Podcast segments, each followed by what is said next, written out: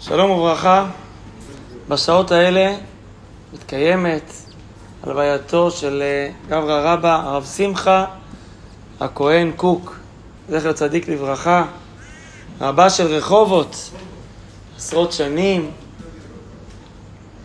נכד של אה, אחיו של הרב, מרן הרב קוק, עונין.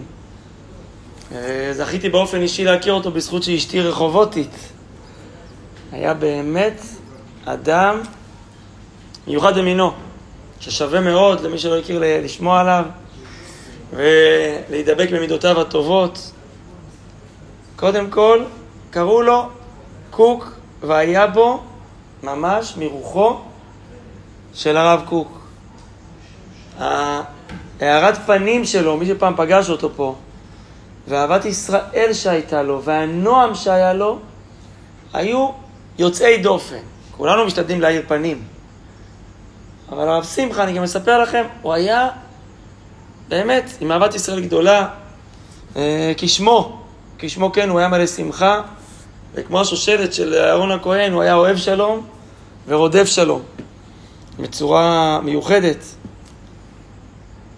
אשתי מספרת שעוד בתור ילדה הם היו הולכים בפורים עם אבא להביא לו משלוח מנות לרב של העיר. היו באים אליו, ותמיד היא אומרת, הוא קיבל אותנו יפה, התייחס לכל אחד מהילדים, שאל את האחים שלה קצת על משניות, והיא אומרת, הוא היה נראה לי, כמו אליהו הנביא. ככה, זה זיכרונות של, של ילדה. אני פגשתי אותו בהקשר, שאני חושב שאתם יודעים, שלפני 17 שנה כשהתחתנתי, אז uh, שלושה חודשים לפני החתונה, חותני, הרב רובינשטיין, ייבדל לחיים, הוא עבר תאונת דרכים קשה. הוא היה בין חיים למוות בתל השומר, וברוך השם, הבריא והגיע לחתונה. אז כל הזמן המשפחה הייתה לידו, וכשהרב שמחה שמע על זה, הוא נסע לתל השומר, הוא הגיע ב-11 בלילה. עזרו לו להיכנס, הוא נכנס לחדר, חותני היה כזה רדום במצב כזה, והוא בחיוניות קרא לו, אמר את השם של חותני, אז, אז חותני ישר פקח עיניים. הוא פקח את העיניים, והסתכל עליו. והוא בירך אותו, אומר מקלב, שהוא יהיה בריא, ובזכות אהרון הברכת, ברכת הכהנים וברכות... ממש בירך אותו. ואחר כך כשליווינו אותו, שהוא יצא מהחדר, הוא עצר בקבלה של האחיות, נכון? יש ככה שם איפה שהאחיות יושבות, במוקד בכניסה. הוא אומר, אני רוצה להודות לכם מעומק הלב על העבודה החשובה והקדושה שאתם עושות פה במסירות למען החולים. הוא רק בא לבקר. זה לא כל אחד עושה את זה. אני לא צריך להגיד לכם מה זה עושה לצוות ולאחיות, וזה ממש, גם לנו, זה היה מאוד משמעותי, זה היה כזה ממקום חיובי, מאמונה, מתקווה, נתן תקווה. אחרי שלושה חודשים התחתנו בירושלים, מי שערך את החופה היה ראש הישיבה, רב אברום שפירא זצ"ל. אתם יודעים, לפעמים רב עיר, בדרך כלל מזמינים אותו לערוך חופה. פה הוא רק הוזמן כאורח. הוא לא חס על כבודו ונסע לירושלים. עכשיו תגיד, טוב, בא, השתתף בחופה. אתם צריכים להבין את הרקע. חותני היה בבית חולים כל התקופה הזאת, ויצא מהבית חולים לחופה. הוא כבר היה במצב של שיקום, היה על כיסא גלגלים. עם אלכס שלקח אותו, היה במצב שהוא כבר מבין, מזהה, מדבר, אבל חלוש. והרב שמחה כל כך רצה לחזק, ו- ואת חותני, כי הוא הכיר את חותני מרחובות, שאתם מכירים את זה שהולכים לחופה, כן? אז אדם, אצלי, אצלנו הלכתי עם שני האבות, כלומר עם אבא שלי בצד אחד, ועם חותני בצד שני, כשאני מחזיק לו את היד והוא על כיסא גלגלים. הרב שמחה, כולם מוחאים כפיים, שרים, הרב שמחה, כלומר שלושתנו, אבא שלי, אני ואבא של אשתי, בא ליד החותני עם הפנים אליו, וכל הדרך לחופה הוא רוקד איתו. אדם, הוא היה אז בן 75, הוא נפטר עכשיו ב-92. ורוקד איתו, ושר לו, ומברך אותו, וראית איך הוא לא סתם הגיע לחתונה, אלא אם צריך פה לשמח, הוא ידע שזה מצב רגיש, שהוא רק יצא מבית חולים, ראית, הוא אמר גם משפט שהרעיד אותי, לא הכרתי אותו, הוא אמר לחותני, שם לפני החופה, אמר לו, בריך רחמנה דאבך לן ולא יאבך לעפרה. ברוך השם שנתן אותך לנו ולא לעפר. אחרי זה ראיתי שזה גמרא, זה מופיע במשנה ברורה בהלכות uh, הגומל, למדנו את זה לא מזמן אחרי uh, מוסר של שבת, שיש דבר כזה. זה עשה אותי פתאום, הכרת הטוב, להבין שזה לא מובן מאליו ש... כמה זה לא מובן מאליו שהוא כמובן פה איתנו. אז זה היה ככה מאוד מיוחד, והוא בירך ברכה אחת תחת החופה, והביא לי מתנה. עכשיו, החזות שלו הייתה נראית כזאת uh, חרדית, באמת. מצד שני, הוא למד בכפר אוהב, הוא היה מאוד מחובר לגמרי לכל הציבורים. מה המתנה שהוא נתן לי? הנה היא. ספר אורות של uh, הכהן הגדול. הוא כתב פה על החתן החשוב יונתן דון יחיא מתוך עומק הלב. אנו שולחים ברכותינו הנאמנות, יהי רצון שהבית יהיה שופע אורה של תורה ושמחה של מצוות, כעתירת המברך אותך בכל הברכות האמורות באהבה, מפי נין אהרון. השמח בשמחתכם, שמחה הכהן קוק. מיוחד, באמת בן אדם מיוחד. אה, אהבת ישראל שלו הייתה מיוחדת, אני שמעתי את זה מהרבה אנשים בהזדמנויות שונות, הוא הצליח להתחבר לכולם. אבא שלו היה רב של טבריה. כן, אבא שלו היה רב של טבריה עד שהוא אה, נהרג בתאונת דרכים פעם, נכון?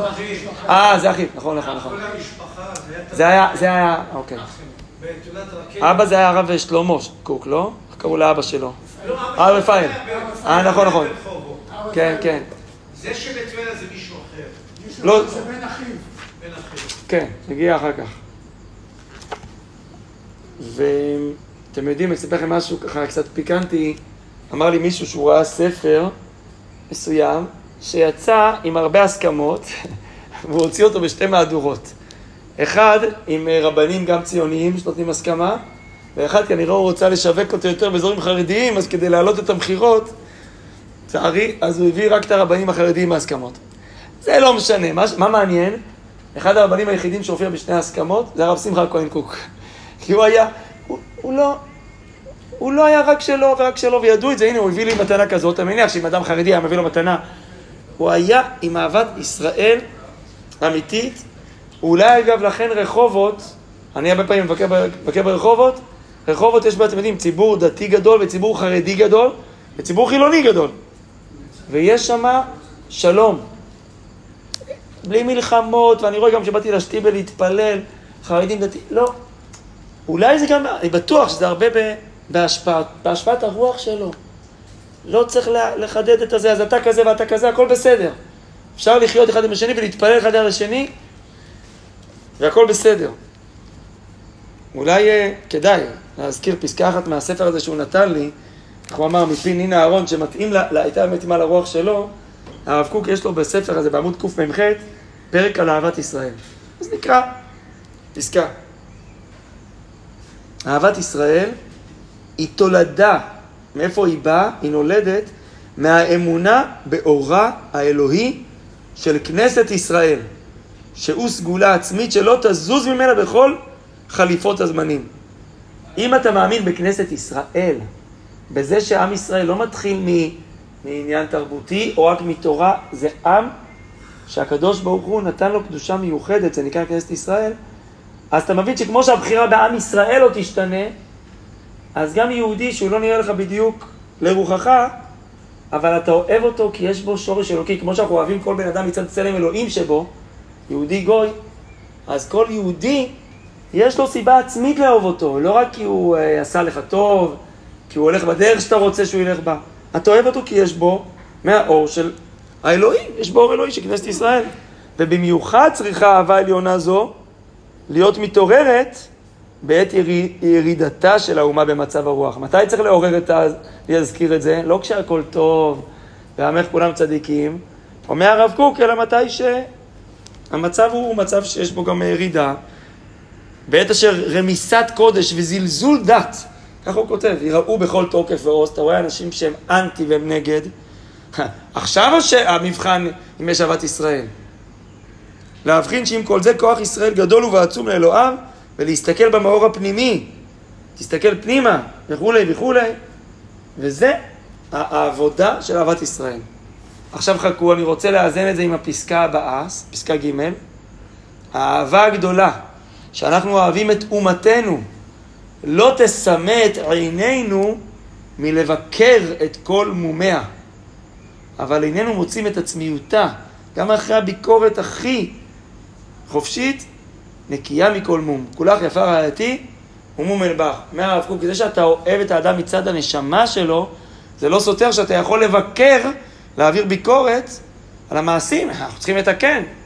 ואם אתה יכול לתקן ולשנות, אז אתה מצווה לעשות את זה, זה לא סותר. זה לא משהו קיצוני לכאן או לכאן. אתה אוהב את השורש, אתה מאמין בו שהוא יהודי, והוא שייך לעם ישראל, והוא יכול, בעזרת השם, להגיע הכי גבוה שיש, ויש בו קדושה אמיתית, אבל בפועל אתה צריך גם להתנהל אה, בצורה כזאת. ואגב, גם הרב שמחה הכהן קוק, שהוא היה דמות נורא, באמת, מלאת אהבה, הוא ידע לשים גבולות, אבל תראו באיזה צורה. אז סיפרה מישהי, אשתי יגידה ברחובות, אז מישהי אחרת, סיפרה, היא הייתה רכזת אה, תנועת עזרא, נכון? יש תנועת נוער עזרא, דתית, דתית לאומית, אז... אז יום אחד היא בת, הייתה בת 18, אני יודע, היא קיבלת טלפון, הביתה, רוצים אותך. היא אומרת, שלום. הוא אומר, שלום, אביטל, הוא אומר, כן. מדבר שמרה קוק. היא כמעט התעלפה, שהרב, שהרב שלה מתקשר אליה, כן, וזה. אולי מתאים לכם לבוא עם הנוער בליל שבת, קצת אליי הביתה, אני רוצה לדבר איתכם על משהו שקשור לנושא של השבת. רצו באותה תקופה לפתוח קולנוע בשבת בעיר. וזה מאוד צייר אותו, חילול שבת כזה בפרהסיה. אז הוא, אז, הוא, אז הוא פגש את כל הנוער בעיר, מכל הסוגים, דיבר איתם על, על ערך השבת, וזה, והוא אמר, אני חושב שכדאי שאנחנו נלך ונביא את כבודה של השבת, לא נעבור על זה בשתיקה. נו, אז מה עשו? בקבוקים, אבנים? לא. הם הגיעו כל ליל שבת במשך כמה שבתות, ליד הקולנוע שמה, ישבו שמה בצומת ליד, דיברו על השבת, הם פשוט שרו, הנוער שרו, אילו היה בי כוח, הייתי יוצא שיר השבת, הביעו מחאה בלי מריבות, בלי צעקות, אבל רצו גם להגיד, יש שבת, ויש מישהו שזה אכפת וכואב לו. אז זה גם מחאה, אבל מחאה מסוג... אבל זה דבר אחד. אגב, אמר לי עוד מישהו שבימים נוראים, הוא היה ניגש להיות חזן הרבה פעמים, ואמר לי מישהו שהוא אחרי זה ליווה אותו, התפילה מאוד מרגשת, הוא היה בוכה בתפילה. אז אחרי זה עם עוד בחורים הליוו אותו, והוא הלך, הלך לרחוב הרצל, מי שמכיר זה רחוב ראשי ברחובות. רחוב מרכזי כזה, שיש בו את החנויות, והוא הלך לתקוע בשופר לבעלי עסקים שפתוחים בחג. עכשיו, הוא אמר להם, מצד אחד, זה כל אותם במצווה, מצד שני, זה היה סוג של ביטוי של תוכחה, הם מאוד uh, מרגישו כזה, אתה יודע, כבר לא יודע אם שנה הבאה הם פתחו או לא פתחו, כי הוא בא אליהם בלי, בלי לצעוק עליהם, לתקוע להם בשופר, ראש השנה היום. אה, והוא אמר שזה היה מנהגו, הוא, הוא סיפר להם שזה היה מנהגו של הראייה, קוק, שהיה תוקע למי שהיה, למי שלא היה מגיע. אבל אמרו לי אנשים, שגם היה כשהיה צריך, לא בפרהסיה ולא לעשות בושות, אמרו לי, הוא ידע גם לנזוף כשצריך, אבל מתוך המון אהבה. לא פעם ולא פעמיים. שזה האיזון השלם. בן אדם שהוא באמת משדר אהבה ונותן לך כוחות, לא לוקח ממך כוחות אלא מעצים אותך, אבל יודע גם כשצריך אה, לעזור לך. אה, אחרי זה זכינו כשהבן שלי יהודה, שהוא היה בן 12, כשהיה בן 3, חלקה, אז זכינו שהוא גם הלכנו אליו לחלקה, בירך אותו בכזה יחס אליי, לאשתי, וזה הכל עם המון המון יחס, והאהבה שלו גם הייתה לארץ ישראל ולמקדש. אמר לי מישהו שהוא היה בתפילת שבת, וכיבדו את הרב שמחה לגשת ל- להיות חזן. ואז בחזרת השץ יש אה, ממקומך מלכנו. הוא אמר, כשהוא הגיע למתי תמלוך בציון, הוא פתאום פרץ בבכי. עצר, עצר כמה שניות התפילה עד שהוא נרגע, והמשיך. זה אנשים מיוחדים, באמת, אני אומר, זה אדם ש... מי שצריך להיות לידו, זה, זה דבר לא שגרתי. הפעם הבאה שפגשתי אותו, זה שפעם אחת עשינו שביעי של פסח אצל חמי וחמותי ברחובות. אז אמר לי ידיד שלי ברחובות, מהישיבה, לא. אמר לי, אתה יודע שבאים לרב שמחה קוק, הבית פתוח בשביעי של פסח אחר הצהריים, כאילו מסיימים את החג אצלו, אז אם אתה רוצה אתה מוזמן. אמרתי, כן, פתוח ככה? אמר לי, כן. אז אחר אז בצהריים הלכתי עם אחד מהגיס, מהגיסים שלי, הלכנו ברגל ברגל, עד שהגענו אליו הביתה, קודם כל הופתעתי, אתה בא אליו הביתה, הוא יושב בשולחן, מאחוריו יש בגודל, אני אומר לכם, חצי מהפרוכת הזאת בערך, תמונה ענקית של הראיה קוק. וכמה שהיה בקשר עם חרדים וזה, הוא לא התבייש בה. מה זה? היה בשבילו דוגמה. וסמל, והרבה בחורים, הרבה מהם כיפות סרוגות, וגם חרדים, והרגישו כולם בנוח. ואז הוא, הוא נתן לכולם מצות והציע ליטול ידיים. עכשיו, אני חשבתי שרק חסידים הם אה, עושים סעודת משיח, החב"דניקים. אז הוא הזכיר גם את זה, הזכיר אותה. והוא אומר שגם מצד הגאון מווילנה, יהיה, הרי כל אכילת מצה היא מצווה. לפי הגאון מווילנה, כל פעם שאתה אוכל מצה בפסח, אתה מקיים בזה שבעת ימים מצות אוכלו. אז הוא אומר, זה כמו פרידה מהמצה, אז יש לך הזדמנות לקיים מצווה חביבה, אז למרות שביום טוב אין סעודה שלישית, ביום טוב יש רק שתי סעודות. אין מצווה של סעודה שלישית, אבל הוא, אכלנו מצות, מצות ומים, ו... ושרנו, אה, נכנס לסידור פסח לשנה הבאה בירושלים. אני זוכר עדיין את הדבר תורה שהוא אמר אותו בכזה רגש, אז אני זוכר אותו עד עכשיו. הוא אמר דבר יפה. הוא אומר, כתוב, מלכותך מלכות כל עולמים, וממשלתך בכל דור ודור. עכשיו, דור ודור מופיע בעוד מקום, אבל בהקשר שלילי. במלחמה עם עמלק, כתוב מלחמה להשם בעמלק מדור דור. הוא אומר, מה ההבדל ביניהם? למה באשרי אנחנו אומרים, ממשלתך בכל דור ודור, עם ו'. ולמה בעמלק כתוב שהשם יש לו מלחמה בעמלק מדור דור? זה, זה בולט שם, שאין את הו'. מדור דור, לא מדור לדור, מדור ודור. אז הוא אמר דבר יפה, שכשיש חיבור בין הדורות, בין האבות לבנים, בין הבנים לבבות, למרות הפערים בין הדורות של המבוגרים, הצעירים, תמיד יש את הפערים האלה, אבל דואגים לחבר.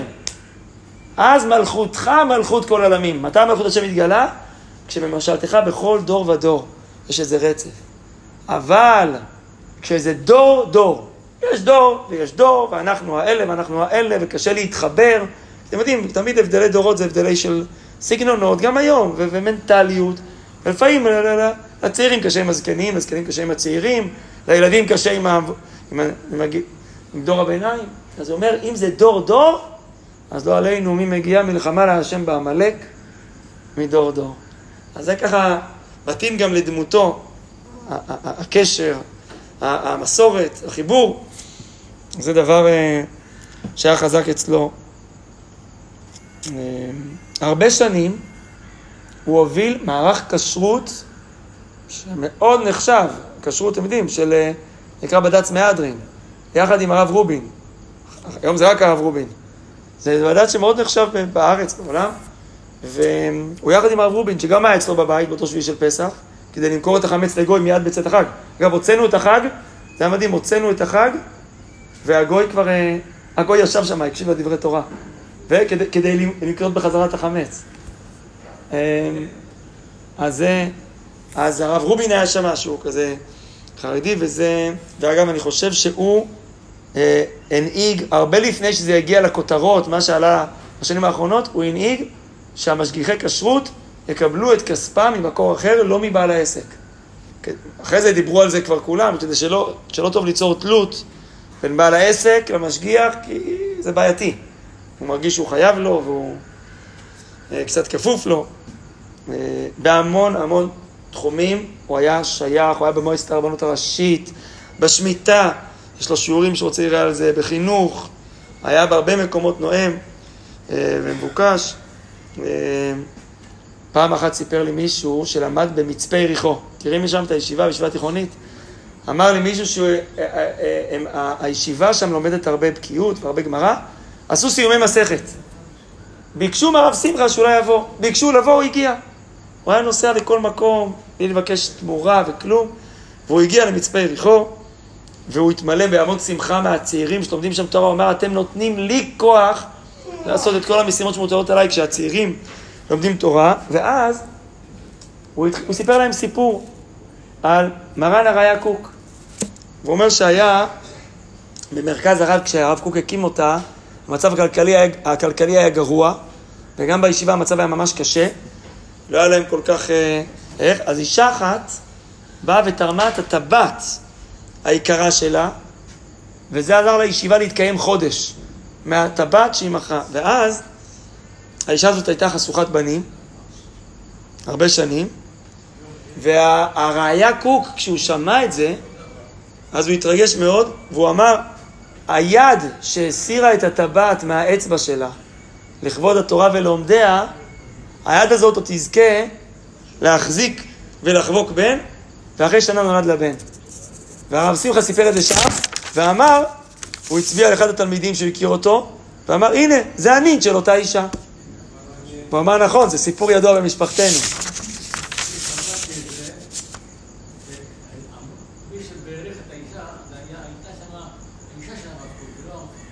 הרבנית. אולי הרבצן, לא יודע, גם.